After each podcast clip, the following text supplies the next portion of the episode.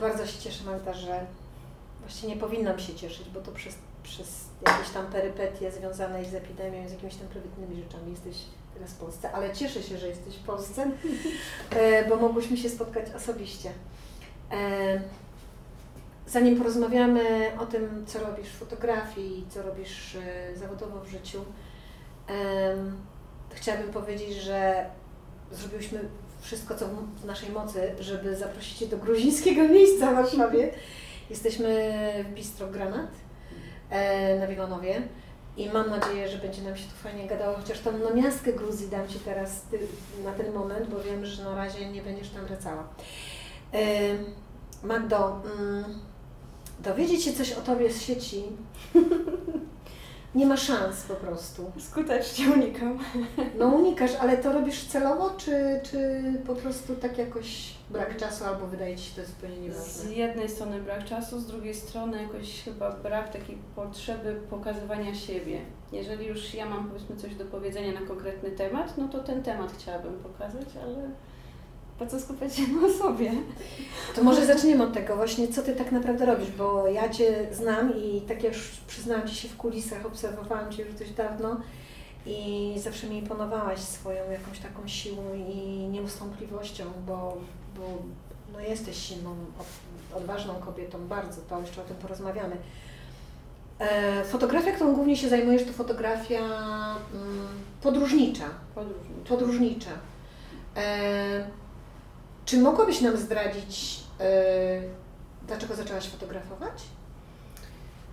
Um, fotografia była tak jakby następstwem pewnych decyzji z dzieciństwa, ponieważ ja wtedy bardzo dużo malowałam, byłam w takim lokalnym ognisku plastycznym, cały czas byłam związana ze sztuką, a jednocześnie chciałam podróżować po świecie. No i trzeba było podjąć decyzję, co dalej. I moje życie się zwróciło w stronę geografii, potem powiedzmy turystyki, już e, głównie obsługi turystyki. No ale cały czas brakowało mi czegoś takiego, co wcześniej było, żeby no, gdzieś się wyładować na czymś. No, jak co chwilę się zachwycałam tym, jak na przykład jakieś małe światełko przechodzi przez liście i mówi, czy wy to widzicie? Wszyscy mi tak patrzyli się na mnie, no co się tak, tak, bo ty jesteś tak? czarodziejką światła. Dziękuję. Nie, jesteś, jesteś, to na Twoich fotografiach bardzo, bardzo widać.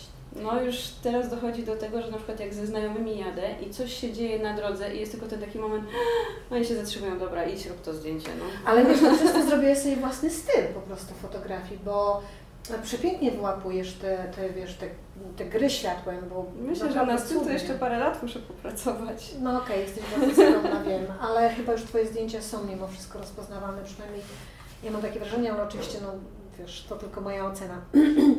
Dobrze, czyli rozumiem, że jakby Twoja wypowiedź artystyczna szukała czegoś więcej. Tak, i znalazłam to w fotografii. Tak, powiem szczerze, że mm, dzięki temu, że mogłam podróżować, odkrywać coś, mogłam fotografować to, czym się zachwycałam, a dopiero potem przyszła, razem z tym podróżowaniem też przyszła wiedza, um, przyszło bardziej takie, większa refleksja nad tym, co fotografujemy, dlaczego podróżujemy, czy to, co widzimy, powiedzmy, na pierwszy rzut oka jest najważniejsze, czy jednak coś dalej. Jeżeli coś mhm. dalej, to w jaki sposób dotrzeć. I nagle, nagle to zaczęło się zmieniać. Już nie było fotografowania, powiedzmy, mm, samych zabytków, bo najczęściej jeździłam po miastach. Ja przez kilkanaście lat jestem pilotem wycieczek, więc najczęściej po prostu podróżuję po różnych miastach niż po miejscach naturalnych. Gruzja jest dla mnie po prostu całkowitym zwrotem akcji w życiu mieszkaniem na wsi, fotografowaniem przyrody, nawet na zlecenie fotografowanie przyrody, więc to jest zupełnie coś innego i nagle odkrywanie, ile radości może być w tym, żeby z kimś po prostu posiedzieć i popatrzeć na góry, albo żeby gdzieś dojechać, nie wiem, odkryć dla siebie jakieś miejsce i wszystko się praktycznie zmieni. Bo Ty z wykształcenia jesteś pilotem turystycznym, tak? Obsługujesz wycieczki Zarządzanie, marketing w turystyce, ale no głównie nastawienie na kierowanie dużymi firmami, zasobami ludzkimi, jakby pomnażaniem kapitału, już nie, same, nie sama powiedzmy turystyka, tylko bardziej skupienie się na ekonomicznej strefie tej turystyki. A to teraz człowiek tęskni. Nie, nie, nie, nie. nie. A jakie to jest haczapuri? To jest mm. Jakie? Imerytyjskie. Okej. Okay. Różnica jest jaka, że nie ma jajka w środku? W każdym regionie prawie mamy inne haczapuri. Mamy, zauważ, że cały czas ktoś mnie się z Gruzją. Też mnie cały czas ktoś na tym, e, na tym łapił, bo jak ja mam mówię na przykład, a u nas na wiosce to, u nas na wiosce to, jak i twojej wiosce. No. Dobrze, wracamy do tego Twojego podróżowania, bo wyjaśniłaś nam, czym, kim jesteś z zawodu i rozumiem, że na początku były najpierw podróże, dopiero potem pojawiła się fotografia. E, to znaczy Czy tak, e, fotografia pojawiła się jakby przy okazji uwieczniania czegoś, co było powiedzmy po drodze, więc nie była, mm, nie skupiałam się na tym za mocno też. E, skoro byłam przewodnikiem w Pradze, no to jak miałam czas wolny, no to zobaczymy po prostu jak mam czas wolny, przeważnie niestety w porze obiadowej, czyli najgorsze słońce. E, no to nie powstawało wtedy jakoś nie wiadomo, powiedzmy nie wiadomo co. Mhm. Technicznie mogłam się rozwijać, żeby wiedzieć co od czego zależy, ale artystycznie w ogóle. No i dużo się zmieniło na warsztatach fotograficznych z Krystianem Bielatowiczem, który zmusił mnie do myślenia. To o nim piszesz mój nauczyciel? Tak. To jest pierwsza osoba, która na tyle mi pojechała po ambicjach, a jednocześnie w tak delikatny sposób, że no, trzeba było myśleć nad każdym zdjęciem. Jeżeli ja mam komuś wyjaśniać, dlaczego ja to zdjęcie zrobiłam, dlaczego właśnie tak, no to ja sama muszę być tego pewna, więc sama zaczęłam A się... jak trafiłaś na Krystiana? E, przez warsztaty w Nikonie. Aha, z Najlepsze którym notabene teraz współpracujesz Tak. przecież, nie? Z Nikonem. Tak, ale z, e, najlepsze było to, że to były z, e, warsztaty street photo. Mnie street photo nigdy nie interesowało. Ale doszłam do wniosku, że to będzie dobre, żeby spróbować czegoś, co może mi pokaże, czy ja coś lubię, czy nie lubię, żeby określić się dalej. I był taki moment, kiedy na krakowskim rynku weszliśmy powiedzmy na zdjęcia. Wcześniej mieliśmy tam, Krystian nam o wielu rzeczach opowiadał, wyszliśmy na zdjęcia e, i była tak, po prostu grupa się dosyć szybko zintegrowała, było super fajnie, ale nagle grupa poszła w jedną stronę, a ja tu i w drugą. No i Krystian poszedł za mną. No i tak mnie obserwował e, z tyłu. Ja tak zaczęłam się skupiać na dzieciach, zaczęłam się skupiać na tym po prostu, co tam się dzieje na tym, na tym rynku. E, No i w tym momencie on nam też powiedział, że mamy trzy zadania do zrobienia, żeby wychwycić właściwy moment, żeby zrobić portret człowieka w jego środowisku, który określi nam tego człowieka, że nam opowie o tym Okej. człowieku więcej, mimo że nie znamy tej osoby. E, trzecie, jejku, już nie pamiętam, co było trzeciej. Mm, nie, nie pamiętam, co było trzecie. No i wszyscy tak powiedzmy chodzili razem i się prześcigali, sobie pokazywali nawzajem zdjęcia, a ja po prostu chodziłam sobie osobno. Spotykaliśmy się tylko w miejscach zbiórek. I w pewnym momencie podchodzę do Krystiana, to było na Kazimierzu, i mówię do niego, słuchaj, no ja wiem, że wszyscy się przechwalają i mówią, ale nie mam ani jednego zdjęcia, które chciałabym pokazać. On mówi, może ty uważasz, że żadne nie jest dobre? Ja mówię, nie mam takiego zdjęcia. E, No i on się na przykład, ktoś mu bardzo chciał pokazać, co ma na aparacie, więc on się odwrócił i ja zanim zobaczyłam człowieka, po prostu tylko przełożyłam aparat i ten człowiek e, był, to, to było coś niesamowitego, bo to było na targowisku w Kazimierzu, na Kazimierzu. E, Człowiek był dosyć mocno opalony, ze złotym łańcuchem, miał koszulkę z godłem Polski, na tą moro nałożone i otwierał taki harmonikowy portfel, z którego mu się pieniądze akurat wa- zaczęły wysypywać. Okej. Więc ja zrobiłam po prostu zdjęcie. On mówi, trzy zadania zaliczone jednym zdjęciem. No to chyba umiesz robić zdjęcia. Ja Tak, jejku, to rzeczywiście mi się udało. Czyli Taki- on pierwszy dał Ci wiarę w Ciebie tak, Tak. naprawdę, w Twoją fotografię. Tak. Że Kiedy to było? Ile lat temu? Pięć, sześć? Okej, Jakoś ale tak. tak mi wspominałaś wcześniej e, za kulisami, że tak naprawdę 6 lat temu zaczęłaś w ogóle fotografować. Mogę to powiedzieć, że sześć lat temu zaczęłam myśleć nad fotografią. Czyli świadomie Co zaczęłaś fotografować. Tak.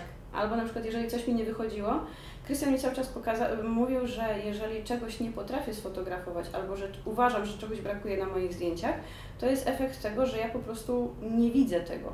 Nie zobaczę, nie mając wiedzy. Więc jeżeli chciałabym sfotografować coś i nie jestem zadowolona z tych zdjęć, no to według Krystiana, i teraz już również też tak uważam, e, po prostu mam za małą wiedzę o tym, co chcę fotografować.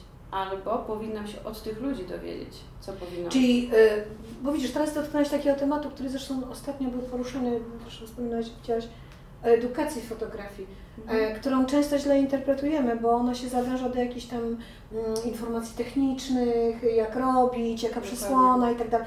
A generalnie ja cały czas, y, nie wiem, czy, czy się zgadzasz ze mną, bo, bo tak rozumiem z tego, co teraz przed chwilą powiedziałaś, że nie mając wiedzy o miejscu, nie znając tego miejsca, nie znając tych ludzi, nie wiedząc o nich więcej, Mhm.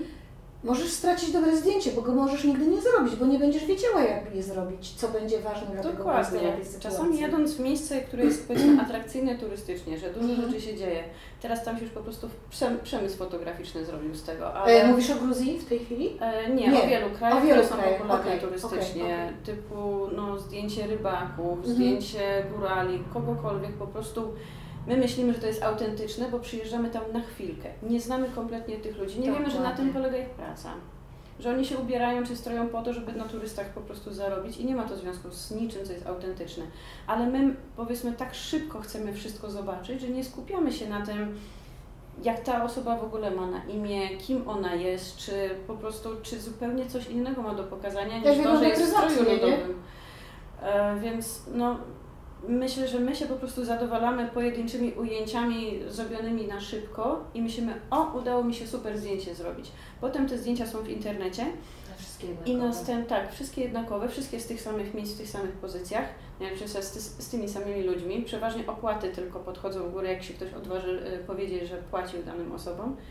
E, ale tak naprawdę to nic nie wnosi. A czekaj, powiedz mi, jak już jesteśmy przy tym temacie, bo ja się z Tobą absolutnie zgadzam, e, bo możemy tutaj wykorzystać Twoją wiedzę też jakby zawodową, jeśli chodzi o turystykę. Oho. Wymień mi jakieś takie trzy kraje, e, jeśli możesz oczywiście, y, z których jak widzisz fotografię, to y, znaczy jak myślisz fotografia taka właśnie szybka, Mhm. nie chcę nazywać turystyczna, bo to nie zawsze jest turystyczna, czasami to są wyjazdy na, na workshopy e, fotograficzne, to jesteś w stanie powiedzieć, że tak, jeżeli ten kraj, to będzie na pewno takie zdjęcie. Jakiś, No na to na pewno. No to z Gruzji na przykład się co? pod Smindą Samewą e, w Gergeti. To jest z jednej strony Kazbek, z drugiej strony góry, przepięknie położony klasztor. Nikogo nie interesuje historia tego klasztoru, ważne, żeby tam mieć zdjęcia. okej, To jest najbardziej, naj, najczęściej fotografowany zabytek w Gruzji. okej, inny No, kraj, E, inny kraj, Tajlandia. Wszelkiego rodzaju świątynie, to po prostu... Jeżeli chodzi o tamte rejony, to wszyscy się prześcigają, jakie pozycje pod tą samą świątynią zrobią, albo ten sam zachód bądź wschód słońca, najlepiej z balonami w tle, typu Kapadocja. No kto, będąc w Kapadocji, nie ma zdjęcia Z balonami. słońca czy z balonami, no. okej. Przecież tam jest o wiele więcej Czyli, czyli ja się zgadzam z Tobą, że... Boliwia. No, No. trzeba uwiecznić czolitę. Najlepiej jakby jeszcze pracowała. A nieważne, że na przykład kobieta się męczy i normalnym odruchem powinno być, pomogę pani to podnieść. Ale nie, zdjęcie. No właśnie, czyli to taka bardzo szybka i nie, niezbyt uważna nasza. Bezrefleksyjna. Bezrefleksyjna. Totalnie bezrefleksyjna, bez wiedzy. My Czyli mamy- jaką masz mm, propozycję dla osób, które chcą fotografować właśnie, czy podróżniczą fotografię, niekoniecznie podróżniczą, bo to może być też dokładnie, no nie wiem, dokumentalna, streetowa i Mhm. tak dalej. Jedzie gdzieś do jakiegoś miejsca, co, od czego byś zaczęła w tym? Od schowania aparatu. I Poznania ludzi. w jaki Od sposób? nich, od nich, żeby się dowiedzieć, co jest dla nich ważne. Bo my nie zrobimy nic nowego, nie wiedząc, nie rozmawiając z ludźmi, o których chcemy opowiedzieć historię. No nie ma takiej możliwości. I nie, ma, nie jest to, z, e, powiedzmy, ja wiem, że bariera językowa często jest problemem, ale uśmiech w każdym języku jest taki sam. I od razu też tworzy się relacja. Chęć Mhm. pomocy komuś jest taka sama. A jeżeli my przychodzimy mówimy, albo ja nie znam e, języka tej osoby, albo najlepsze, w Maroku ludzie nie lubią się fotografować. Ja nagle jadę do Maroka i z jednego dnia przywożę no, kilka, kilkanaście portretów. I to ludzi, którzy chcieli, żebym ich sfotografowała. Tylko dlatego, że powiedziałam, Jezu, ale ma Pan piękne pomarańcze. No bo to jest sklep mojego wujka. A chce Pani zobaczyć, ile ich jest? I nagle zaprowadza mnie na Czyli tyłek. zaczynasz od A tam rozmowy. wszystko jest, po prostu tych pomarańczy, jakichś innych rzeczy. I on się po prostu tym chce pochwalić. A niech mi pani, jak pani chce zrobić mi zdjęcie, to przy tym wszystkim. To jest cały mój dobytek, to jest sklep mojego wujka, a ja się tym opiekuję. No więc I wiesz, ja, ja się z Tobą absolutnie zgadzam. Ja, ja pierwsze takie doznanie miałam właśnie w Gruzji, bo oczywiście, że tam ludzie są w ogóle, jak słyszą, że jesteś z Polski, no to też są bardzo życzliwi w ogóle, ale Mhm. pamiętam taką rzecz, że jak wchodziłam na targ, to wręcz prosiłam tam Radka Polaka, bo wtedy akurat z nim byłam na tym wyjeździe fotograficznym, y, żeby mnie wspomógł, bo okazało się, że po pierwsze, oni brali aparat i chcieli sobie zrobić zdjęcie ze mną, moim aparatem, to jest pierwsze. Po drugie, opowiadali mi wszystkie swoje historie, łącznie z tym, że się wzruszali i opowiadali. Ja się czułam zażenowana, bo ja nie wiedziałam, czy ja mam im pomóc, czy co ja, ja tylko chciałam zdjęcie, nic więcej. Nie, po prostu najpierw bardzo długie, długie dyskusje. To, to pierwsze. E, Więc y, jakby ci, ci, ludzie, jak tylko ich słuchasz, jak tylko wykażesz zainteresowanie, to oni ci dadzą 100 razy więcej niż ty w ogóle wiesz o tym miejscu. Dokładnie.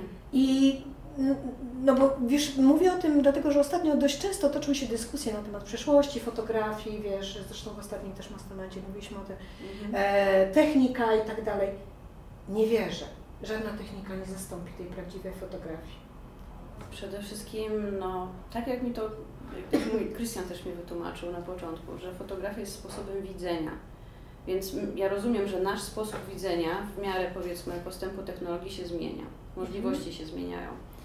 Ale teraz pytanie, czy my pójdziemy w stronę e, powiedzmy tak, tak zwanej fotografii instant, czyli tu cykniemy, tu cykniemy i uważamy, że utrwaliliśmy coś, co jest teraz, ale my o tym nie myślimy, co utrwalamy. My nie wiemy, dlaczego robimy to zdjęcie i tego będzie brakowało, więc e, no z jednej strony mamy coraz więcej fotografów, bo teraz każdy, kto kupi aparat, e, już nazywa się fotografem, ale z drugiej strony jest coraz mniej fotografów, którzy mają jakąś refleksję nad tym, co robią, albo zadają sobie trud, e, żeby... Ale dlaczego, jak myślisz?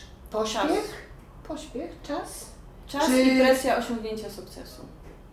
A śledzenie innych? Pokazanie... Znaczy... Wzorowanie. W sensie, ja myślę o tym, okej, okay, jeżeli ktoś, mm, a widziałam takie super zdjęcie z balonami z Turcji, powiedzmy, muszę, koniecznie. Tak, jadę do Turcji, żeby zrobić I nieważne, że ma dwa tysiące fajnych zdjęć z ludźmi na ulicy, mhm.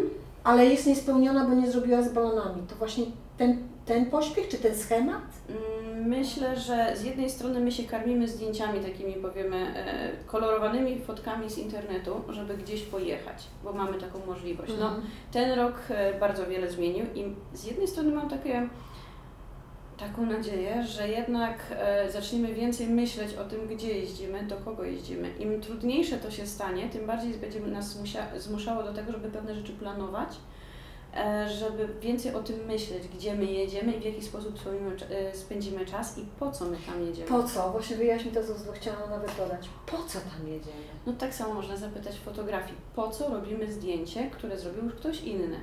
Jeżeli chcemy kogoś naśladować, nie ma problemu. Ale po co wysyłać to na konkursy? Mnie na przykład bardzo, chyba osobiście tak denerwuje, jeżeli ktoś jedzie na warsztaty fotograficzne do fotografa, który już powiedzmy ma osiągnięcia mhm. i jedzie w miejsce, gdzie jego zdjęcia były wystawiane na konkurs. Jedzie dokładnie w to miejsce, jedzie z tym samym fotografem i ten fotograf mu nawet mówi, jak ma ustawić aparat. A ta osoba robi to zdjęcie tylko po to, żeby zgłosić do tego samego konkursu. E, dalej bym jest... nawet poszła, bo to tak. akurat słyszałam też od, od fotografa, który świadczy też takie lekcje, że lepiej czasami nie zabierać i nie pokazywać więcej, bo przecież ktoś może zrobić lepszą fotografię niż ja. Więc to już kwestia jest bardziej kompleksowa. Ale wiesz, chodzi, fotografia jest lepsza, ja wiem, ale nie, chodzi ale... mi o to, że to, co Ty powiedziałeś, zastanów się, czy to warto po prostu powielać ten sam schemat tak, i te same ludzie miejsca. nie myślą, nie mają własnych refleksji, własnego zdania. Oni po prostu powtarzają tylko to, co było, bo się sprawdziło. I to nie pójdzie daleko. No dobrze, w to teraz... będziemy, już jesteśmy przesileni, wpiszemy sobie na przykład Norwegia język trolla no wszelkie możliwe po, pomysły, że tak powiem, w każdej możliwej pogodzie w jednym miejscu, a z tyłu kolejka ludzi, którzy każdy chce zrobić niby, że to jest odludne miejsce. No po prostu... Tak samo już w górach się robi wysokich, nie? Dokładnie. To po prostu już jest, straszny to. Dobrze, to w takim, mm, w takiej sytuacji myślę, że to jest dobry moment, żeby nawiązać do Ciebie. E, tak, nie, robisz fotografię podróżniczą. E, powiedz mi, e, Jakie masz przekonanie? Ona jest doceniana? E, skupmy się na polskim rynku fotograficznym. Miałam taką rozmowę, właśnie na chwilę uciekając od Polski, miałam taką rozmowę, kiedy dostałam się na stypendium fotograficzne do Emiratów. Tak, chciałam o tym mówić, bo wiem, że to było bardzo ważne stypendium dla Ciebie. Tak, czyli to było zmiana myślenia, żeby nie chować jakby swojej fotografii, tylko że jeżeli mamy coś do powiedzenia i potrafimy to w jakiś sposób fotograficzny wyrazić, to może jest ktoś, kto powinien wysłuchać tą wiadomość. Mhm. I dla mnie to też było niesamowite, że spotkałam fotografów, o których ja czytałam. Ja nie sądziłam w ogóle, co innego na przykład czytać o kimś, wiedzieć, że ta osoba istnieje, albo nawet w książkach jest gdzieś powiedzmy fotograficznych ujęta, że dokonała takich, takich rzeczy, że no jest, ma sporą historię fotograficzną. I ta osoba staje przy nas przy śniadaniu i tak, a czy ty czasem nie byłaś dzisiaj rano na basenie, bo wydawało mi się, że Ciebie widziałam. A ja tak mówię, nie, ja nie byłam. Słuchaj, Ja wolę siedzieć z młodymi ludźmi, chodźmy do stolika, sobie razem siądziemy. Dobra, nie ma sprawy, nie? I nagle wszyscy koło nas przychodzą, Boże, on tutaj jest, o Boże, on na mnie spojrzał. Ja tak, Moja, mój brak edukacji, szczerze to przyznaję, wpędził mnie nieraz w takie gafy, bo tak Czyli czasami lepiej nie pozna- wiedzieć? Czasami lepiej nie wiedzieć, ale co mnie na przykład e, tam bardzo zaskoczyło, myśmy wszyscy razem się integrowali, ponieważ byliśmy w Szardży, czyli najbardziej restrykcyjnym Emiracie. E, no jakoś tak, że jestem z Polski, było automatyczne, em, słuchaj, tu masz serwetkę 409, nie? No wie, dziękuję, nie, e, nie potrzebuję serwetki, nie? Czyli 409 pokój, dzisiaj będziemy kombinować alkohol. Oczywiście zawsze był zwinięty na recepcji, ale myśmy się tak zintegrowali, że dla mnie nie było ważne, kto jaką fotografię robi. Siedzę w autobusie obok Pola Niklena, a on do mnie mówi, słuchaj, a wy tam na Kaukazie to tam macie te niedźwiedzie, bo bym coś tam porobił. A ja mówię, no u nas w Parku Narodowym jest dużo, nie? Jest jeden rezerwat. Nie, jeden rezerwat to za mało, nie? Ja, ja jednak moje białe miśki wolę. To samo, jesteśmy zaproszeni, to chyba było najdziwniejsze, co mnie tam spotkało. Zostaliśmy zaproszeni do rodziny królewskiej na mm, poczęstunek. I Z jednej strony siedzieli wszyscy fotografowie, plus właśnie nasza piątka ze stypendium, z drugiej strony cała rodzina królewska, czyli sami panowie i na końcu jedna pani. E, co było bardzo krępujące, wszystko było takie bardzo wysoka etykieta, wszystko, więc tak siedzimy, ale ja przepuściłam wszystkich od nas, e, żeby usiedli na miejsce i nagle zabrakło dla mnie krzesła po tej stronie, gdzie my, po prostu my byliśmy jako ze stypendium.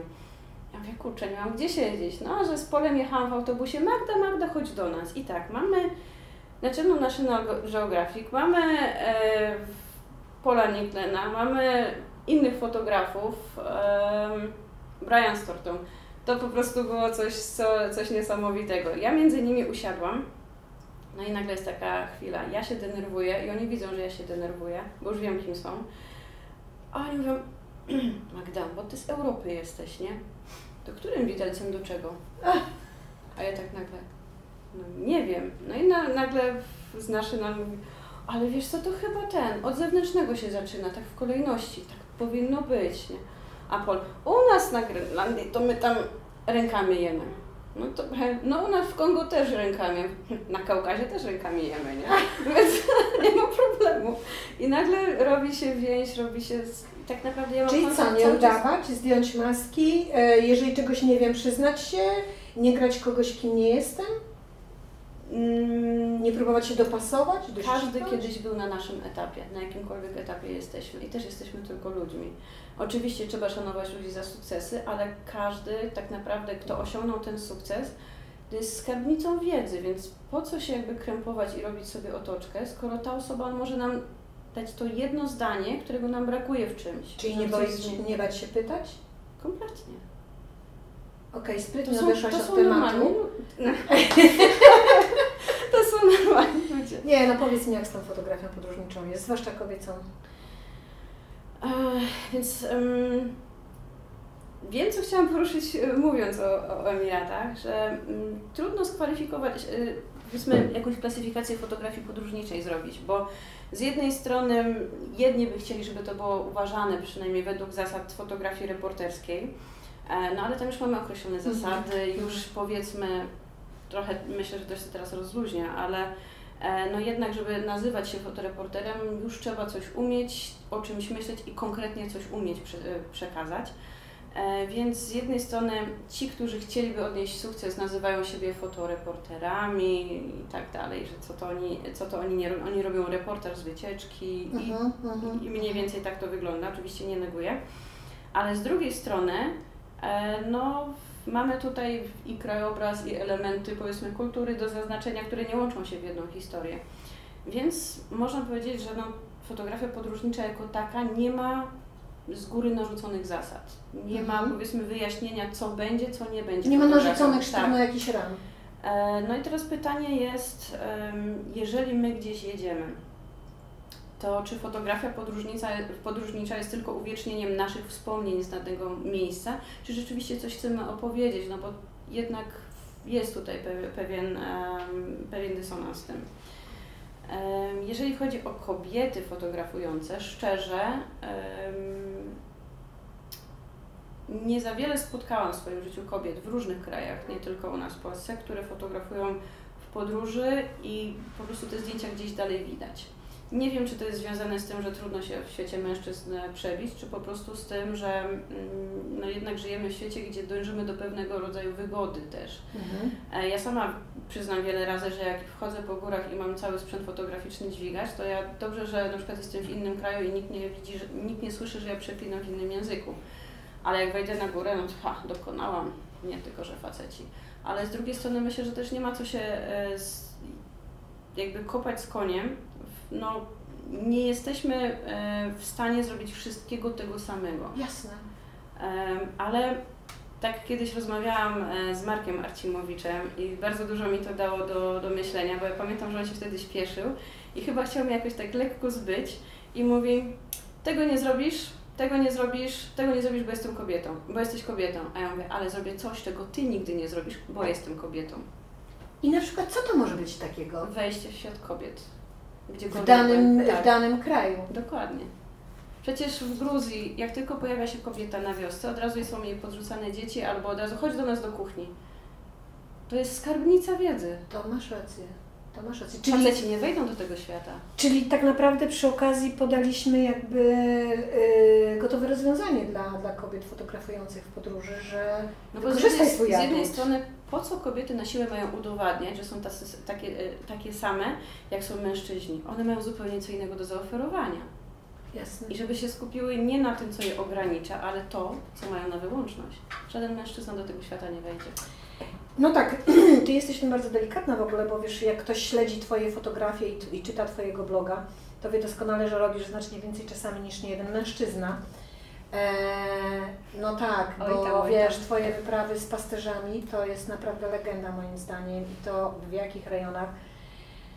I to, że po swoim wypadku, nie wiem czy byś chciała o tym mówić, na koniu od nowa się podnosiłaś i, i i to, że ja, ja czytając Twoje opowieści, zresztą przy okazji, kiedy książka?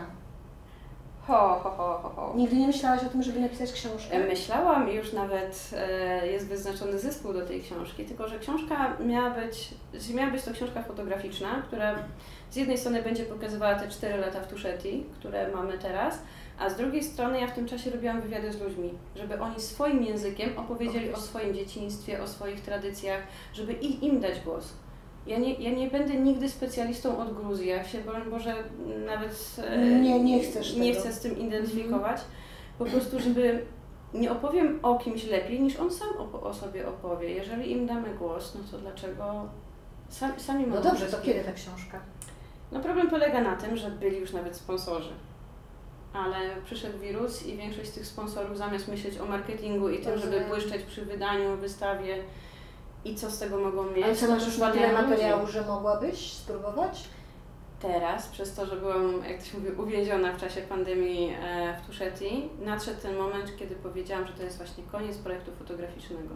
Że zrobiłam to wszystko, co chciałam pokazać e, z jednej strony, z drugiej strony wiem, że po pandemii to społeczeństwo przejdzie bardzo dużo przemian. Mhm.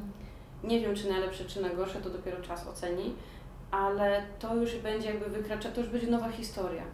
Mhm. Więc jeżeli chcę opowiedzieć o tradycjach, to wtedy, kiedy te tradycje istnieją. My nie wiemy, jaka sytuacja będzie za rok, za dwa lata. Mhm. Więc z jednej strony ja najpierw myślałam, że to będzie rok, wtedy wiedziałam, że złe pytania już zadaję, bo nie rozumiałam wielu rzeczy. Ja się na siebie wściekałam, z jednej strony, że nie mam zdjęć, które bym chciała a z drugiej strony ja nie wiedziałam, jak mam je zrobić. No i okazało się właśnie, że zadaję złe pytania, że w zły sposób podchodzę, że muszę tam więcej czasu spędzić. I dopiero w drugim roku, jak po zimie wróciłam, e, no to dowiedziałam się, że jesteś Europejką, ale wróciłaś, czyli dotrzymałaś słowa. I to już jest taki pewien krok jakby do środka. Bliżej do nich byłaś. Tak. Mhm, mhm. Potem zaczęliśmy razem pracować. Potem no, bardzo dużo tego było. Ja też... Też znaczy, jako swoją. Jak już y, wchodzimy do pewnego społeczeństwa i zostaniemy zaakceptowani, no to ponosimy wszelkie konsekwencje tej akceptacji, dobre i złe. A jednocześnie Gruzini to jest bardzo szczery naród. Jak już kogoś zaakceptują, to po prostu prosto z mostu mówią to, co myślą mi się to strasznie podoba. Nie ma owijania po prostu w bawełnę, tylko słuchaj, to, to, to i to mi się nie podoba. Super, uzgodnione, dobra, robimy następne. To czekaj, bo skaczemy, ale y, wiele bardzo ważnych tematów. Y, y, czytając bloga, y, czekam na książkę, bo naprawdę masz fajne pióro, fajnie piszesz. To, to, to tylko tyle chciałam powiedzieć, że nie wiary. A dziękuję, bo to do, jest do podszkolenia, a z drugiej strony tak Ale nie, nabieram odwagi. Bardzo ciekawie piszesz i to naprawdę się dobrze czyta, wiesz? Naprawdę się dobrze czyta. Natomiast jeszcze chciałabym wrócić do, bo rozmawialiśmy o tej fotografii podróżniczej i mówiłyśmy o tym, że kobiety często mogą wykorzystać coś, czego nigdy nie będą mogli wykorzystać. Po prostu tego nie znają, nie czują, nie, nie mają. Mhm. Jest takie zdjęcie w Twojej karierze, mm, które przewróciło trochę zawodowo na korzyść u Ciebie wszystko i to jest zdjęcie, ja je będę zawsze pamiętała, zawsze ja i musisz koniecznie tutaj nam opowiedzieć, jakie zrobiłaś, my je pokażemy podczas wywiadu. To jest zdjęcie zrobione w zimie. Tak, w styczniu, dokładnie 27 I stycznia. ono tytuł ma? E, Signagi w objęciach zimy, tak to nazwałam pierwszy raz je dając do internetu. Powiedz, jak ono powstało. E, powstało w najgorszy dzień w moim życiu w Gruzji, kiedy To zablokowano mi kartę. początku, na początku... 4 lata temu. Cztery lata.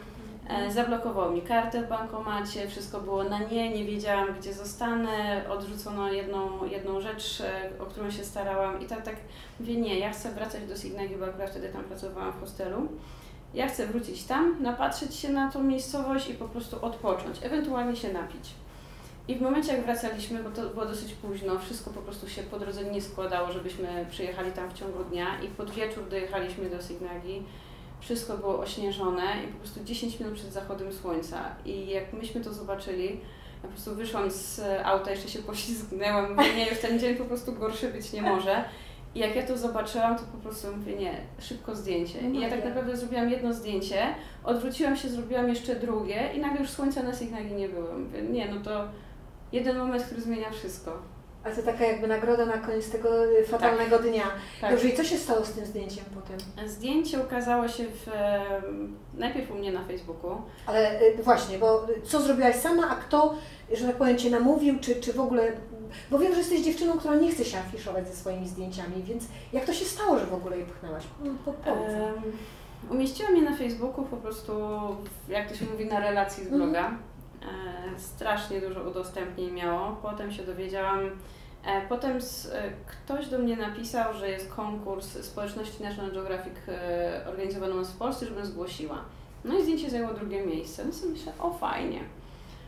Ale potem tak mnie coś tknęło i mówię, no mam konto na National Geographic, ale w Stanach Zjednoczonych. No to zobaczymy, może, może ktoś komuś się spodoba. I to już było. Wyróżnili to w galerii e, Daily Dozen, więc no, Super. jak potem mi powiedzieli, zasięg 12 milionów ludzi. I to jest takie Czy wtedy w to, co robisz? co się dzieje. Ja mówię, jejku, to jest przecież tylko jedno zdjęcie. I to zdjęcie tak naprawdę dużo zmieniło w sposobie moim myślenia, żeby jednak wyjść trochę, że o Boże, teraz dużo osób o mnie mówi, no to no dobra, no to trzeba stać i wytrzymać. E, No ale potem już było tak, że to zdjęcie zaczęło mi otwierać drzwi. Co ciekawe, do Emiratów dostałam się nie pokazując tego zdjęcia. Strasznie mi zależało na tym, żeby... Pokazałaś pasterzy wtedy chyba, Tak, tak? pasterzy i Lelogurti, bo Tak. było do zgłoszenia maksymalnie trzy materiały, oceniane było portfolio. Więc ja zgłosiłam totalnie różne tematy, żeby byli pasterze, który, którzy zostali odrzuceni przez jednego fotografa w Polsce, bo stwierdził, e, pasterze to jest nudny temat, po co ci pasterze? Przecież ty jesteś babą, no to nie powinnaś takich dziwnych tematów brać. Ja Mówię, no dobra. No a drugi temat Leloburti, czyli tam, gdzie się już leją. E, mówię, ty nie masz jakichś, nie wiem, normalnych tematów? Damskich zajęć? Tak, taki był komentarz pewnego polskiego fotografa. Nie masz normalnych tematów, tu się leją, no fajnie, wszystko fajnie, no ale no wiesz, no, no niekoniecznie. Moim zdaniem Leroburty to jest najbardziej damskie widowisko. To jest tyle testosteronu w jednym miejscu. No. Więc ja te dwa materiały wysłałam i Tim powiedział, że kiedy zobaczył te oba materiały, nie wierzył, że zrobiła je jedna osoba. Bo one są musiały- zupełnie tak, różne. bardzo różne. E, I stwierdził, że właśnie to, to jak rokuje, że potrafi się jakby przestawić na pewien sposób, w zależności od tematu, który robię. Ja mówię, i strasznie mu się to po, podobało. Najlepsze było to, że jak do niego pojechałam, e, to dopiero wtedy zobaczył to zdjęcie Signali. I on mówi, czemu ty tego nie wysłałaś na konkurs? Ja mówię, bo to zdjęcie wygrywa dużo konkursów, ale ja mam też inne zdjęcia. A powiedz mi, e, Magda, sama sobie edytowałaś te wszystkie portfolia, które wysyłałaś? Mhm. Nigdy Tak? nie, nie prosiłaś Niestety kogoś... tak. Dlaczego niestety? Bo jak się dowiedziałam od pewnego fotografa, który był w jury jednego z popularniejszych konkursów, gdybym inaczej ułożyła zdjęcia i historia miałaby większy wydźwięk, to miałabym szansę. E, tylko powiedz, czy to w Polsce było? W Polsce. Okej, dobrze. Właśnie zauważyłam, że w Polsce jest bardzo duże ciśnienie na to, żeby edytować po prostu u, u, u A z drugiej strony na przykład wiele osób mi w Emiratach, już Mhm. fotografów e, światowych, jedno co mi powtarzało, mówiło, słuchaj, jeżeli chcesz się rozwijać, bez obrazy dla Polski, ale wyjedź jakby ze swojego kraju, wyjedź do innych odbiorców, sprawdź w jaki sposób Odbierają się w różnych krajach. częściach e, świata. Tak, bo, bo mówią, że to, że Ty masz taki sposób wyrazu, może się nie sprawdzić w Twoim kraju. Może to nie być ani popularne, może to nie być nawet dobrze odebrane. Ale czasami są różni odbiorcy. Na przykład jeżeli robię temat, gdzie mam... To jest cudowna rada, wiesz, pierwszy raz ją tak ktoś publicznie mówi. To jest dość istotne. Bo Jesteśmy to, w dobie- dziewczyny... Żyjemy w dobie, gdzie mówimy różnymi językami. Tych języków możemy się w każdej chwili nauczyć. Już jest powiedzmy większy dostęp do tego. Więc czemu się ograniczamy tylko do mał- małego podwórka i mamy kompleksy tylko dlatego, że na tym podwórku nikt nas nie widzi? Poza tym, jeszcze jest jedna rzecz moim zdaniem, nie wiem czy się zgodzisz z tym. Bo tak sobie teraz uświadomiłam, słuchając Ciebie, że ta edycja, to ciśnienie na edytowanie przez kogoś, bo często się mówi, bo masz emocjonalny stosunek zbyt bliski do swojego zdjęcia, nie potrafisz się go pozbyć i tak dalej. Okej, ja jakby nie kwestionuję, ale idąc tym tropem, który Ty usłyszałaś, może być tak, że to, jak ja opowiadam historię dla osoby z, powiedzmy, dla jury polskiego, jest zupełnie niczym zaskakującym, ponieważ to jest ten sam, ta sama mentalność co moja. On zna to tak samo prawdopodobnie jak ja. Ja go nie jestem w stanie zaskoczyć, ale z tą samą historią tak samo opowiedzianą, kiedy wyjdę już, powiedzmy, nie wiem, na Islandii, rzucam na rybę, może być zupełnie inaczej odebrana. Oni mogą być totalnie zaskoczeni, więc może być czytana zupełnie od nowa. Nie wiem, czy się z tym zgodzisz, ale ja się zgadzam z Tobą. Wyjdźmy ze swojego kociołka, pokażmy to gdzieś indziej. Jeżeli się nie sprawdzi na siedmiu kontynentach, okej, wracam, pochylam głowę, sypię się popiołem, dobra, spróbujmy z obcym edytorem. Ale być może trzeba najpierw spróbować gdzie indziej. Jeszcze powiedzmy też z drugiej strony, em, dla mnie na przykład ważne było spotkanie choćby z e, Jasią Kinowską, która patrząc na moje zdjęcie dokładnie mi powiedziała, co ja myślałam w momencie robienia tego zdjęcia. Ja mówię, przecież my się prawie nie znamy. On mówi, tak, ale jeżeli do zdjęć podchodzisz emocjonalnie i te zdjęcia mają ładunek emocjonalny, to ja wiem, dlaczego Ty je powiedzmy robisz. Albo w jaki sposób e, zostało to zaplanowane. Ja wtedy też zaczęłam myśleć, jak bardzo widoczne jest to, jaki my mamy nastrój, co myślimy na naszych zdjęciach, ale jednocześnie zdjęcia robione też obnażają naszą niewiedzę, naszą na przykład nietolerancję czy tolerancję, nasze poglądy często polityczne. Więc tak naprawdę, jeżeli uznajemy, że fotografia jest sposobem naszej wypowiedzi, to teraz pytanie, czy spo- sposób naszej wypowiedzi poza fotografią też na przykład nie jest zgodny z miejscem, do którego, w którym chcemy się pokazać. Bo jeżeli mamy powiedzmy w jakimś bardzo konserwatywnym społeczeństwie zbyt liberalne e, poglądy, Mhm. to i tak to społeczeństwo nie będzie nas akceptowało. Ale kraj obok na przykład, tam jest zupełnie inne podejście do tych samych rzeczy. I tam na przykład potrzebują czegoś takiego. Boże, czyli znowu wracamy do punktu wiedzy. Wiedzy. Edukacja, na litość boską, czytajcie. Żeby wiedzieć, co fotografujemy I gdzie dlaczego. I pokazujemy. pytanie, jeżeli już robimy to zdjęcie, dlaczego robimy to zdjęcie i co ono zmieni, a nie, że powielamy po prostu cały czas to samo. Wiesz co, Magda, ale bo, bo, powiedziałaś tutaj o Asi Kinowskiej. To jest w ogóle też osoba, z którą bardzo bym chciała kiedyś porozmawiać na, na, dla, dla, dla dziewczyn. E, Bo jak słucham, jak ona e, interpretowała Twoją fotografię, to uświadomiłam sobie, bo miałam kontakt też z innymi edytorami, z Asią akurat nie, ale z innymi edytorami, że w takim razie szkół edytorskich jest też wiele, bo niektórzy jako edytorzy kierują się tylko i wyłącznie ustalonymi standardowo jakimiś tam trikami, sztukami Mhm. czy tam zasadami, jakby to zwał, bo są pewne zasady, które obowiązują w edycji, prawda? A niektórzy jeszcze potrafią czuć to głębiej, e, jakby emocjonalnie, bardziej psychologicznie też podchodzić. Znaczy ja myślę, że każdy z edytorów jest po prostu też człowiekiem Mhm. i jeżeli my się spotykamy z osobą, która podobnie widzi, podobnie czuje tą jak my, no to mamy po prostu idzie flow. Flow. E, to jest raz. Dla mnie kontakt z edytorami to jest coś nowego tak naprawdę. Tak, osób. I szczerze przyznam, że mi to na przykład daje dużo myślenia, dlaczego pewne rzeczy zrobiłam, albo na przykład jak widzi to inna osoba, bo nagle okazuje się, że nie mam argumentu, żeby powiedzieć, dlaczego to zdjęcie powstało. Dobrze, ale jak jesteśmy przy tym, Mhm. e, to strasznie ciekawe, co powiedziałaś. E, Okej, edytujesz. Mhm. Co wolisz? Jeżeli edytor powie Ci, ja wiem, co myślałaś w tym momencie, ale zobacz, jakbyś postawiła to zdjęcie, zobacz, czy to nie jest zgodne z tym, co jest tam gdzieś głębiej u Ciebie, tylko nie, nie zajrzałaś albo nie chcesz o tym mówić. Czyli generalnie, jeżeli nawet wyrzuca, to Ci w jakiś sposób opowiada, dlaczego Mhm. to zrobił, niż edytor, okej, wyedytowałam, kosztuje to tyle i tyle, to są zachowane wszelkie zasady, bla, bla, bla, bla, bla, to jest to, z tego wypływa to, dziękuję. Gdzie wolisz? Jednak pierwszą Chce, rozmowę. chcesz posłuchać, chcesz podyskutować Tak. o tym, dlaczego tak, Tak. się Bo stało? z jednej strony na przykład, e, z jednej strony edytor może wybrać pewne zdjęcia ze względu na to, że jemu pasują do opowiedzianej historii. Albo jego charakteru, jego Dokładnie, ale tak naprawdę to ja byłam na miejscu. I, I ja to mogę Ty chcesz powiedzieć, opowiadać i Ty się podpisujesz. ta osoba ma kluczowe znaczenie i mi jest potrzebne to zdjęcie, mimo że na przykład ono może technicznie odbiegać. Czy... Czyli wtedy z edytorem powinnaś poszukać jest innego być może tak. zdjęcia albo miejsca dla tego zdjęcia, Tak. ale Ty Albo jesteś sprawdzić, autorem. czy nie mam na przykład inne, in, innego zdjęcia tej samej osoby zrobionego inaczej, które bardziej będzie pasowało, ale to jest rozmowa. Czyli taka postawa, o której mówisz, moim zdaniem wynika wtedy, wypływa wtedy, kiedy robimy e, ze świadomością swojej fotografii. Wiemy, dlaczego to robimy, dlaczego chcemy to opowiedzieć, dlaczego akurat te zdjęcia. A jeżeli my robimy to bezrefleksyjnie, nie wybronimy się. Nie wybronimy materiału. argumentów. Dokładnie, bo my same nie będziemy wiedziały wtedy, co chcemy. Będzie po prostu kolejna, dobrze przypadkowo najczęściej strzelona fotka. Dlaczego wyjechałaś do Gruzji? Z ciekawości, mm, ponieważ będąc w szkole fotograficznej, e, bardzo chciałam zrobić materiał, powiedzmy na zaliczenie e, semestru, który będzie inny, a jednak będzie reportażem. A gdzie kończyłaś szkołę? E, W Katowicach. W Katowicach, okej. W sumie nie skończyłam. Nieistotne. Nieistotne. Em, ale zależało mi na tym, żeby powstał materiał, który mnie osobiście będzie ciekawił. A mnie jako pilota wycieczek ciekawiło to, dlaczego pewne mm, zrywy w historii nazywamy wojnami religijnymi, a nie tym, że powiedzmy dana społeczność chce przejąć władzę i posługuje się religią. I było wiele takich przypadków i po prostu chciałam zobaczyć, jak to jest w świecie dzisiejszym, jak religia jest wykorzystywana do konfliktu. I przez moją niewiedzę wybrałam Gruzję. Na Ile lat temu to było? 6,5, 7. Zobacz, temat ciągle aktualny. Nawet u nas w kraju. Ale ja nie dorosłam do tego tematu, żeby go robić. No tego i właśnie, i co na stało? miejscu.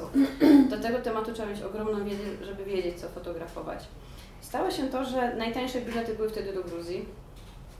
Więc poleciałam do Kutaisi, następnie do Batumi. Miałam tam spotkać się z jednym fotografem, który podczas wojny robił zdjęcia i on miał mi pomóc w tym temacie tak naprawdę. Po czym się okazało, że są wybory i no, jest, jego agencja jest zaangażowana, żeby robić tam kandydatom zdjęcia, więc... Zarabiała. No cóż, każdy, każdy potrzebuje pracy. E, więc zostałam sama. No i doszłam do wniosku, dobra, no to przynajmniej zobaczę o co chodzi, jak to wszystko funkcjonuje. Pierwsze dwa dni były okropne, bo ani nie znałam języka, znałam tylko angielski, aż w końcu pomyślałam, dobra, mam doświadczenie w turystyce, no to wykorzystajmy to, co powiedzmy, skoro mam ograniczenia, to wykorzystajmy to, co mam. Napisałam do adżarskiej e, organizacji turystycznej, że mogę im zrobić tam zdjęcia, ale potrzebuję taki taki temat i żeby mi pomogli. Mhm. I przyznali mi jakby dziewczynę, która była moim tłumaczem, która wszędzie ze mną weszła, dali mi swoje kontakty i nagle się zrobiło, że mam 20 wywiadów dziennie z ludźmi, którzy zmieniali religię, którzy, których dziadkowie są muzułmanami, e, oni są powiedzmy chrześcijanami, ale e, ich dzieci na przykład mają swobodę do wybrania religii. Miałam osoby, które no kilkanaście razy zmieniały. I Miałam ty osoby... robiłaś z nimi wywiady i fotografowałaś ich, tak? Ja wtedy nie wiedziałam, jak ja mam ich sfotografować. Okej. Bardziej chodziło mi o to, żeby dzięki tym wywiadom poznać temat, w którą stronę mam iść. Żeby potem fotografować. E, ale tydzień no to było za mało. Potem Mhm. pojechałam na dłużej. E, no ale zaczęło się po prostu spotkania z róż- różnymi ludźmi, którzy e, po Gruzji jeździli. A czy byłaś tu, a czy byłaś tutaj? Mówię, dobra, czyli trzeba sobie zrobić typowo krajoznawczą wycieczkę po wszystkich atrakcjach i ewentualnie zobaczyć, co to będzie. Więc to była taka Gruzja i na stopa, i lokalnym transportem, żeby jak najwięcej poznać, doświadczyć, żeby no, wiedzieć, co, co to jest za kraj, z czym, z czym to się je. I dopiero później po którymś razie e, no była taka sytuacja, że no, spotkałam się z moim szefem, bo wtedy w biurze podróży pracowałam w Katowicach. E, no i mówię, wiesz co, przenoszę się do Gruzji. I jasne. A ja mówię, ale ja w tym momencie rezygnuję z pracy. I to, było, to najlepsze było to, że to było A dlaczego podjęłaś decyzję, że przenosisz się do Gruzji? Bo jeżeli będę dojeżdżać, to ja nie poznam tego kraju, a tylko żyjąc w tym Strasznie kraju... ważna decyzja, jesteś bardzo odważną kobietą. Szczerze, ja chyba wtedy do końca nie wiedziałam, co się porywam. Gruzja nie jest łatwym krajem do życia. Mamy zupełnie inny obraz jako turyści, którzy na chwilę przyjeżdżają e, i po prostu mają ten widok. Tu jest gościnność, tu wino, tutaj coś tam i tak dalej.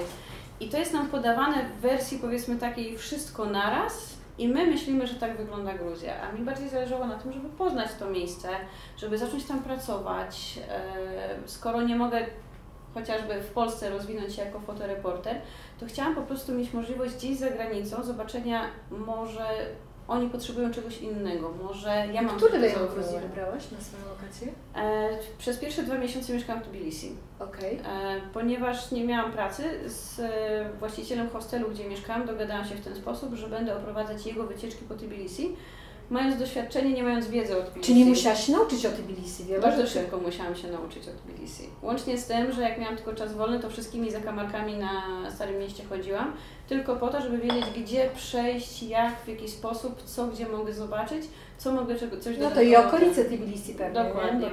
Przecież... E, wcześniej też jeździłam po całej Gruzji, więc e, wiedziałam, jak tam dotrzeć transportem lokalnym, ale szukanie powiedzmy też kontaktów, wyrabianie tak, sobie to bardzo ważne. znajomości tak. i tak dalej. Mhm. Potem przeniosłam się do Signagi, na chwilę do Kazbegi, no i tak naprawdę już wtedy ciągnęło mnie do Tuszety. Już wtedy się Tuszetia pojawiła w moim Dlaczego życiu, Cię ciągnęło do Tuszeki?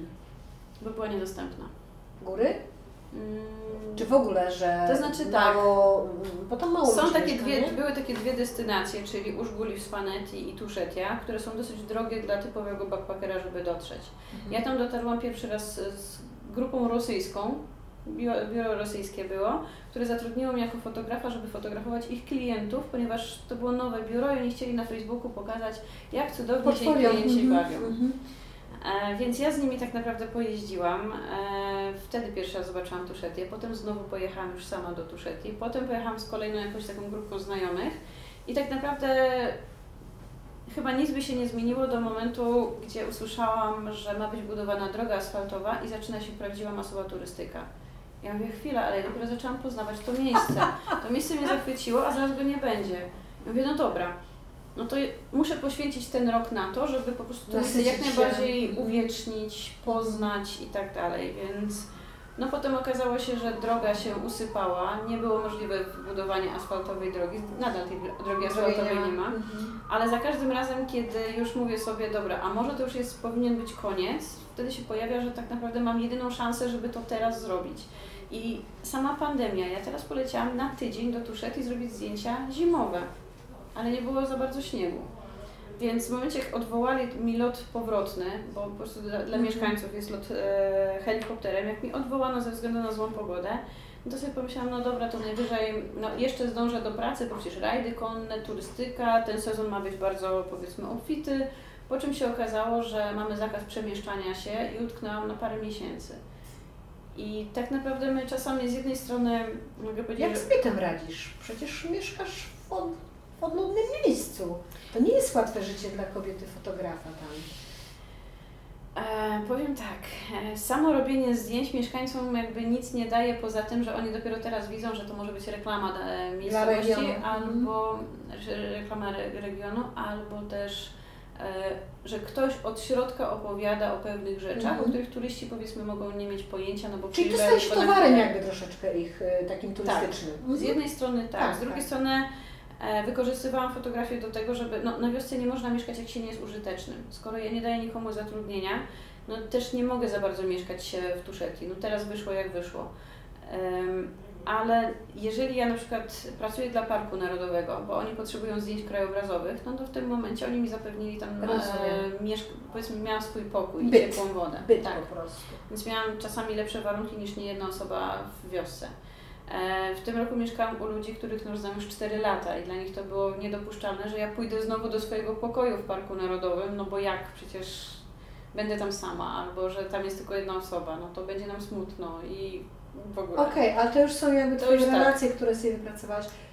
A powiedz mi, e, to tam się zaczęła Twoja przygoda z pasterzami? Z pasterzami zaczęło się podczas jednego z wyjazdów em, jechałam wtedy do Tuszeti na jesień, to było pod koniec września i trafiliśmy na drodze na pasterzy, którzy sprowadzali stado krów. Okej. I ja im zrobiłam zdjęcia. I to był ten moment, kiedy ja chciałam pracować w gazecie e, w Tbilisi. No i szukałam tematu, którego nikt powiedzmy na razie Nie robił. nie, robił Mhm. tak żeby po prostu z tych fotografów, którzy tam pracują, którzy nie, e, nie robili. Oni się skupili na mieście, na polityce, na innych rzeczach. Więc ja doszłam do wniosku, skoro no, de facto byłam trochę ignorowana ze względu na to, że jestem kobietą, ale wytłumaczyłam im, że ze względu na pochodzenie tak naprawdę mają mm, o wiele większe możliwości niż patrzenie na mnie jako kobietę, więc jednak zaczęłam publikować. Em, pokazałam ten materiał i okazało się, i mnie po prostu naczelny pyta, a masz tekst? A ja mówię, no mogę mieć. No to masz 24 godziny, jutro to puszczamy. Ale jak? Byłaś zaszokowana. Tak, no on mówi, no jutro to puszczamy, e, że do, do naszego magazynu. Ale zobacz, jakie rzeczy się stały, bo tak naprawdę ja pamiętam też z pobytu w Gruzji, że oni mają taki, mieli, nie wiem jak teraz, y, ciągoty, marzenia o takiej współczesności, nowoczesności, że a Ty wy, wychodzisz z tematem, który generalnie mieli pod ręką, a tu kobieta z zewnątrz przyjeżdża, kobieta, robi zdjęcia, które, proszę Cię, nic interesującego dla nich tak naprawdę, a Ty masz publikację i zrobiłaś, sama napisałeś sobie tekst? Tak. I goście w e, hostelu czy, czytali go kilka razy i mówili mi, czy to się dobrze czyta. Więc dopiero potem to wysłałam. E, najlepsze jest to, że stwierdzili, że do wersji drukowanej też to pójdzie, że nie tylko na stronę, tylko do wersji drukowanej to pójdzie. A wersja drukowana wychodziła za trzy dni, a następnego dnia była Tbilisoba, czyli święto w Tbilisi. Więc ja poszłam Tbilisowa. zrobić, e, poszłam zrobić zdjęcia i tak się rozglądałam i mówię, nikogo od nas z redakcji nie ma, już poznałam tych czterech aż facetów. Czyli zaczęłaś robić materiał z Zaczęłam po prostu robić zdjęcia i, mówię, i wysłałam do naczelnego, słuchaj, nie widziałam nikogo od nas, to nie wiem, może Ci się przyzn- y, przydadzą te zdjęcia, nie? No i on mi przyno- odpowiada, słuchaj, jutro to idzie w numerze. Okazało się, że moje zdjęcie z sobie poszło na okładkę. Cały artykuł był e, napisany przez Jaka to gazeta? E, Georgian Journal. Okej. Cały artykuł był napisany przez kogoś innego, a tylko moje zdjęcia były, no a pasterza był mój tekst. I mówię, mam dwa artykuły plus okładkę w jednym numerze. Idę taka dumna do naczelnego, a mówi, ale pamiętasz, że ty jesteś u nas na praktyce, czyli to bez wynagrodzenia. Ja mówię, nie. A mówię, pierwsza No publikacja. dobrze, ale to Ci dało jakiś klucz, że zaczęłaś... E, Po tej publikacji zostałam żeby- zaproszona do e, Institute for War and Peace Reporting, bo stwierdzili, Mhm. że chcą mieć mnie jako fotografa, a reszty mnie nauczą. No i tak się tak naprawdę w tą stronę zaczęła. Okej, no dobrze. Góry, Góry. Twoja miłość i konie. A ja nigdy gór nie lubiłam. No właśnie wiem, wspominałaś mi prywatnie. Ja po prostu, jak ja całe moje dzieciństwo, całe powiedzmy bardzo Ale na życie, fotografiach wygląda to zupełnie inaczej. wszystko było skierowane, że ja kiedyś będę mieszkać nad morzem. Wszystkie tematy marynistyczne. Po Twoje prostu- fotografie mówią tak, jakbyś się urodziła, po prostu miała w genach góry. I nagle znajduję się w górach Mhm. i wszędzie jest albo w górę, albo w dół, no i trzeba sobie z tym poradzić. No bo to, że konie, to już A Konie to już... pisane masz nazwisko, już tu rozmawiałyśmy o Jestem tym. skazana. Ale dobrze, powiedz mi, jak długo musiałaś przekonywać pasterzy, żeby Cię zabrali ze sobą? To nie jest kwestia tego, żeby... Mm, czyli, żeby pójść z pasterzami, ja musiałam znać kogoś. No. A ja znałam ludzi, których wcześniej poznałam będąc tam turystycznie. Oni mnie skierowali do jednego pasterza, ale coś, powiem szczerze, jakoś nie leżało było mi to, nie było flow. E, a potem mi powiedzieli, słuchaj, nasz przyjaciel jutro wychodzi. Jeżeli będziesz jutro, no to możesz razem z nim iść. I to jest nasz przyjaciel, z nim możesz iść, my mu No tak, bo to też musiała być bardzo zaufana tak. osoba. nie? więc to już nie był po prostu znajomy, tylko ktoś ich bliższy. Mhm, No i mhm. rzeczywiście z Soso się świetnie dogadywałam. E, dogadywałam. Em, wtedy w ogóle prawie nie znałam języka. Jeden z pasterzy mówił po rosyjsku tylko, więc no, mój rosyjski też klęczał, ale jednak coś tam rozumiałam. E, no ale jednocześnie okazało się, że e, musiałam zawrócić z przełęczy Abano, no bo jeszcze wtedy nie było helikopterów do Tuszeti. A no wtedy musiałabym zostać na 3-4 tygodnie tam na miejscu. W następnym roku poszłam z rodziną Soso, więc też już wszystko zostaje jakby w cały czas w tej rodzinie. No dobrze, ale to powiedz nam, przepraszam Cię, że Ci przerwałam, Mhm. ale to powiedz nam, bo my nie mamy o tym pojęcia, żyjemy sobie w ciepłym kraju, znaczy w, w ciepłym, różnie to bywa z pogodą, ale w cywilizowanych warunkach. Yy, I no dobra, poszła z pasterzami, to poszła i wróciła. To nie jest takie proste, to jest zupełnie inne Znaczy, życie. Jakie tam są mm, warunki? To nie jest kwestia tego, że na przykład kobieta nie może iść, bo jeżeli w rodzinie Mhm. nie ma chłopców, a jest rodzina pasterska, więc to kobieta raczej, Mhm. raczej pójdzie. Chociaż no, bardziej się szuka jednak chłopców, żeby byli fizycznie mocniej, mocniejsi. No a dla nich Europejki, oni widzą Europejki, które przyjeżdżają, że one są takie szczęśliwe na chwilkę, ojejku, tutaj tego, tutaj się napijmy, tu poflirtujmy, tutaj wszystko super. I oni myślą, że my tak mamy na co dzień w Europie. Aha, że jest tak siedzimy i Więc pachniemy. jak e, pachniemy. niektórzy z pasterzy usłyszeli, że będą szli z Europejką, o Boże, trzeba się będzie babą zajmować, która nic nie umie, no bo dla nich Europejki to mają po prostu dwie lewe ręce. Mhm. Więc ja się też teraz śmieję, jak na przykład miałam różne obowiązki w Tuszeti i moja koleżanka mi mówi, słuchaj, to ja pomyję naczynia. Ja mówię, a ty myślisz, że my w Europie nie umiemy? I nagle jest takie, mówię, słuchaj, my mamy to Czyli samo. Magda, ty byłaś jedna, pasterze, e, mnóstwo owiec, Psów, koni, psów, koni. Gdzie ty się myłaś? Gdzie ty spałaś? nie ma mycia. Nie ma mycia. Nie ma mycia. No, Chusteczki, chyba, że śnieg chusteczki, jest. chusteczki nawilżające, jak nikt nie widzi i, i tyle, nie? Okej, a jak było, wiesz, no jakby ze spaniem, gdzie ty spać? Wiem, że Na często ziemi. śpię... No właśnie. Na ziemi rozściela się na badi, to jest takie filcowe odzienie tradycyjne pasterskie, albo czapraki od koni, bo one są grube. Okej. No i czapraki, mi, ko- A mi jaka- koński zapach nie przeszkadza, te No. konie nie mają powiedzmy suplementów diety, więc jest zupełnie inny zapach. E, kładzie się na czaprakach i się śpi po prostu. A Gorzej jaka pada. była Twoja rola e, podczas tego wyjścia z pasterzami? Na Bo pewnie za początku- coś odpowiadałaś, nie? Na początku po prostu chodziło o to, że oni mnie biorą ze sobą, mam im nie przeszkadzać. Okej. Bo oni wiedzieli, że te zdjęcia będą potrzebne, wiedzieli po co ja to chcę zrobić, więc e, byle żebym nie przeszkadzała i nie spowalniała stada, bo to jest ich praca. Oni nie idą po to, żeby się kimś zajmować. Jasne. Zwłaszcza kto idzie pierwszy raz albo kto nie wie o co chodzi. Mhm. Ale na przykład no myśmy się nabijali już pod koniec tej drogi, że będę gwizdać do owiec i one pójdą za mną i poszły. Więc o, mianujemy Cię na pasterza, więc ja to traktowałam wszystko jako, z jednej strony jako przygodę, że no jest fajnie, zabawnie. nie? Prowadzić stado tysiąca No. owiec, nie? Ale wiesz, miałaś niesamowitą, e, widzisz, to się znowu potwierdza to, że weszłaś w to środowisko bardzo, e, bardzo normalnie, bardzo takie Ja codzienne jestem też życie. bardzo prostolinijna i jeżeli ktoś na przykład e, mówi mi, e, słuchaj, nie możesz tego i tego, a mówię, jak nie mogę, patrz, no i robię. No dobrze. e, e, Wrócę do tego, że mm, o czym rozmawialiśmy wcześniej, że przez to, że jesteś właśnie tak jak sama określiłaś, prostolinijna, prostolinijna, szczera, nie, Nie kreujesz jestem- się na nie nikogo innego. Nie, to jest wiesz, moją wadą i zaletą. ja nie czasami. wiem, czy nie jesteś delikatna, po prostu jesteś normalna, bo co to znaczy delikatna? No, tu trzeba konie zapędzić, tu trzeba coś zrobić, tu gotujemy. Dobrze, tu ale wiesz, ten. koń też wyczuwa, jak ktoś ma agresję w sobie, jest jakimś takim... Nie mylmy, nie mylmy agresji z powiedzmy z fizyczną wytrzymałością na pewne Nie jesteś bardzo kruchą i subtelną kobietą. O, broń Boże. Dobra. Eee, Nie pieszczę się ze sobą. tak bym to powiedziała. Ale powiedz mi, e, oni Ci zaufali, czy mogłaś wtedy robić zdjęcia no, no takie, jakie, jakie chciałaś, po prostu jakie czułaś? Nie było Mhm. granic, które oni stawiali podczas robienia tych zdjęć? Mm, Ja im powiedziałam, że nie zrobię żadnych zdjęć, które ich skompromitują. Okej. Że okej. mogą mi Czyli zaufać i że są zdjęcia, jeżeli ja będę widziała, że te zdjęcia mogą im zaszkodzić, że mm, coś jest na przykład dwuznaczne, Mhm. można to inaczej odebrać, to zdjęcia te nie będą publikowane. Rozumiem. I Oni Oni, po prostu wiedzieli, że jeżeli ja będę robiła zdjęcie, to, to nic po prostu, e, czego oni sobie nie życzą, nie pokaże się. Mi nie chodzi o to, żeby uwieczniać na siłę wszystko, tylko żeby zrobić coś, co będzie ich pamiątką, bo te zdjęcia tak czy siak, przy tym jak szybko zmienia się kultura, za 10 lat będą już archiwalne.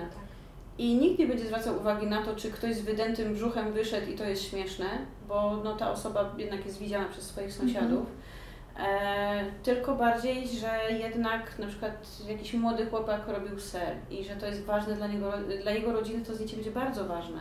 Czy Ty ten projekt już zamknęłaś, czy go cały czas kontynuujesz? Zamknęłam go w tym roku. Pokazywałaś już go gdzieś, albo masz plan? Asi Kinowskiej. Asi Kinowskiej. Ona wie wszystko. Dobra, Aśka, następna idziesz Ty. Teraz Aśka nas powie. Ale masz zamiar go gdzieś publikować? Coś zrobić? Chciałabym zrobić tą książkę. Mm, Czyli mogłoby być to z Twoim pisaniem? Z Twoimi tekstami? Bardziej chciałabym, żeby to ludzie opowiedzieli. Mogę tam dodać coś od siebie, Okej, ale Tak, to tak, nie, że ja to. nie, Tak, nie tak, tak, tak. piszę. tak. Chociaż Asia mnie namawia po prostu, żeby jednak zmienić troszeczkę sposób narracji. Muszę się jakby douczyć, czy ja będę w stanie to zrobić. Ale będzie tekst, rozumiem? To będzie, Będzie książka tekst. z tekstem, Tak. ze zdjęciami. Będzie tekst. Może powinnaś kogoś poprosić stamtąd, żeby też opowiedział o Tobie, jak oni Ciebie odbierają. To by było ciekawe. No to bardzo się cieszę e, i w ogóle trzymam kciuki i nie chcę już pytać kiedy, bo, bo wiem, że to To się wszystko jest okaże. uzależnione od wielu ekonomicznych Widocznie rzeczy, tak ma nie? być i tak ma w być, lepszym tak. czasie. Dobrze, dobrze. Masz porównanie będąc z pastyżami w górach, masz porównanie robiąc zdjęcia w miastach,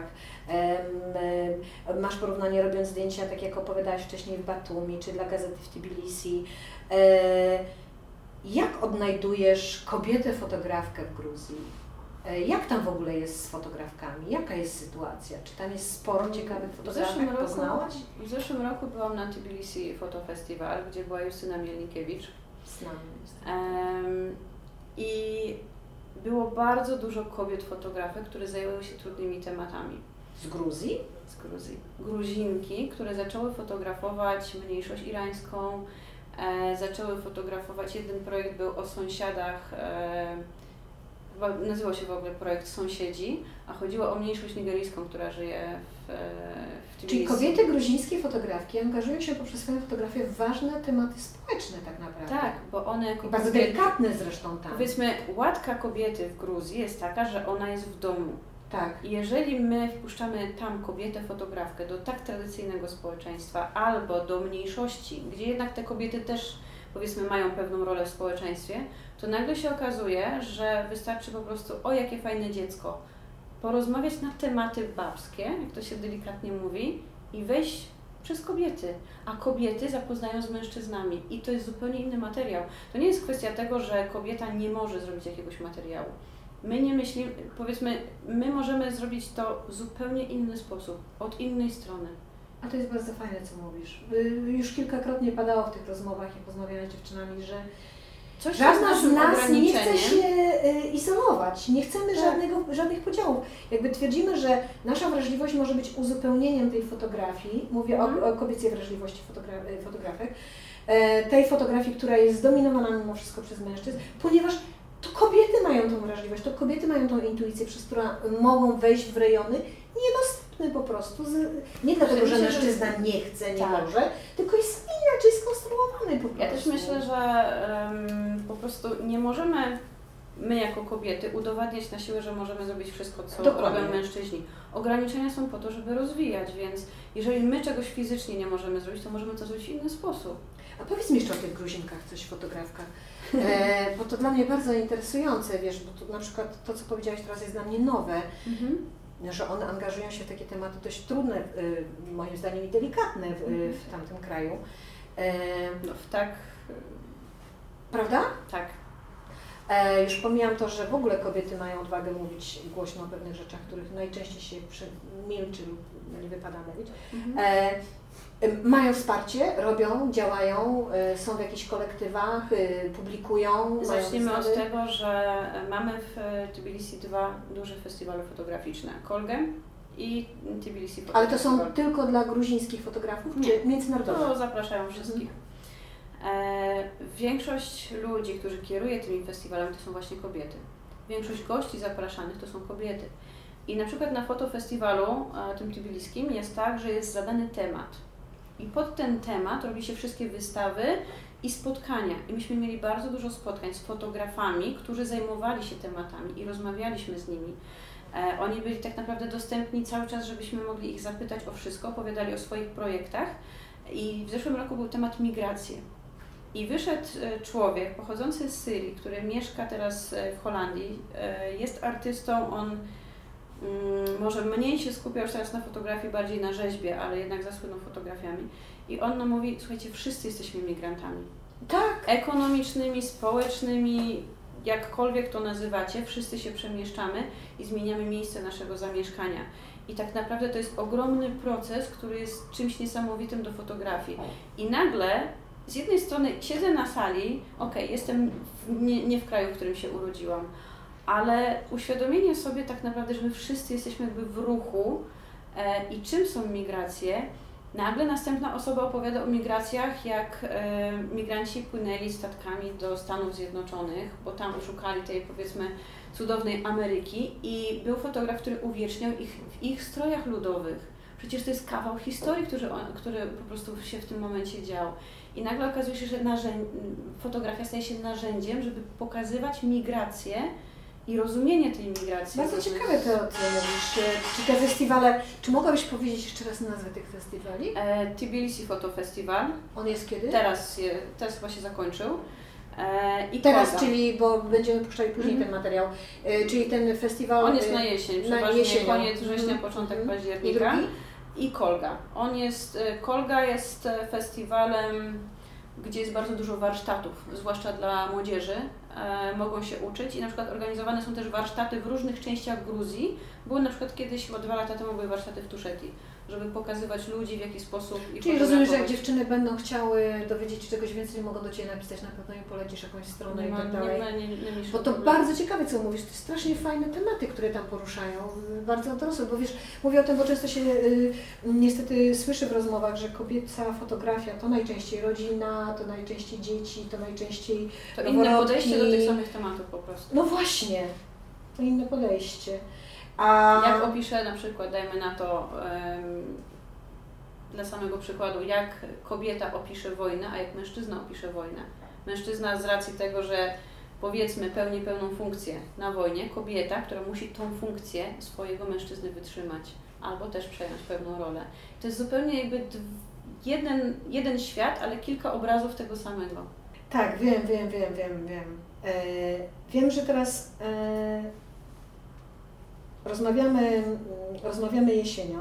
E, em, wiem, że emigrujesz teraz do Anglii. Będziesz fotografować tam? No, aparat jedzie cały czas ze mną, więc... Mam nadzieję, że nie przestaniesz. Bardzo jestem ciekawa w ogóle postrzegania, bo wiesz, muszę powiedzieć Magda, że kojarzysz mi się naprawdę z pięknym światem w Gruzji, z pięknymi krajobrazami, z pięknymi zdjęciami z gór stamtąd. Ty właściwie tak rozpalasz swoimi zdjęciami, że nie wyobrażam sobie, żeby ktoś nie pojechał do Gruzji, nie zobaczył tego na własne oczy.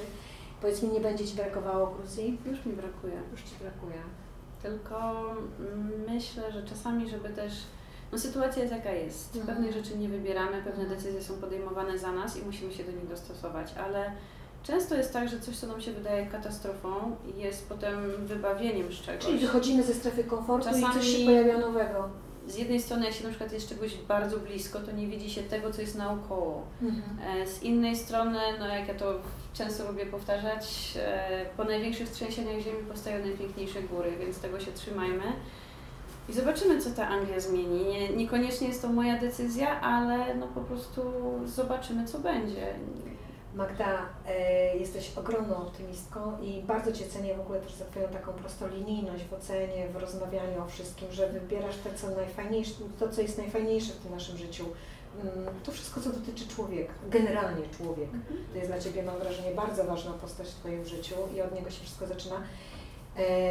Bardzo bym Cię chciała prosić jeszcze o jedno, dwa zdania dla dziewczyn fotografek, które jak wiesz, to jest rozmowa dla Polish Women Photographers, Mhm. Zrobiliśmy ten kolektyw po to, żeby dziewczyny nie chowały się do szuflady ze swoimi zdjęciami, nie chowały Mhm. tego po swoich jakichś tam pokojach, tylko żeby robiły i pokazywały. Miałabyś coś do powiedzenia tym dziewczynom? Żeby nie próbowały nic em, udowadniać. Mają słuchać siebie? Dokładnie. Mają robić to, co im sprawia przyjemność, a nie to, co robią inni, żeby zabłysnąć tym samym. Tak myślę. Super. Magda, bardzo Ci dziękuję za rozmowę. Teraz będziemy jeść, a ja jeszcze nie wyłączę kamery, bo mam coś dla Ciebie. Oho. Mhm. Przepraszam, zapomniałam to wyjąć. Ojejku. Ugotowałam dla Ciebie lobio. Jest. Dziękuję. Proszę. Spróbujesz sobie w domu, mam nadzieję, że będzie smakować tam bardzo dużo estragonu, bo ja uwielbiam Dziękuję. estragon. Dziękuję. A w Polsce jest trudne to zdobyć, ale udało mi się, więc enjoy. Dziękuję. Ogólnie lobio nie robi się ze stragą. Nie było tego. Dziękujemy bardzo.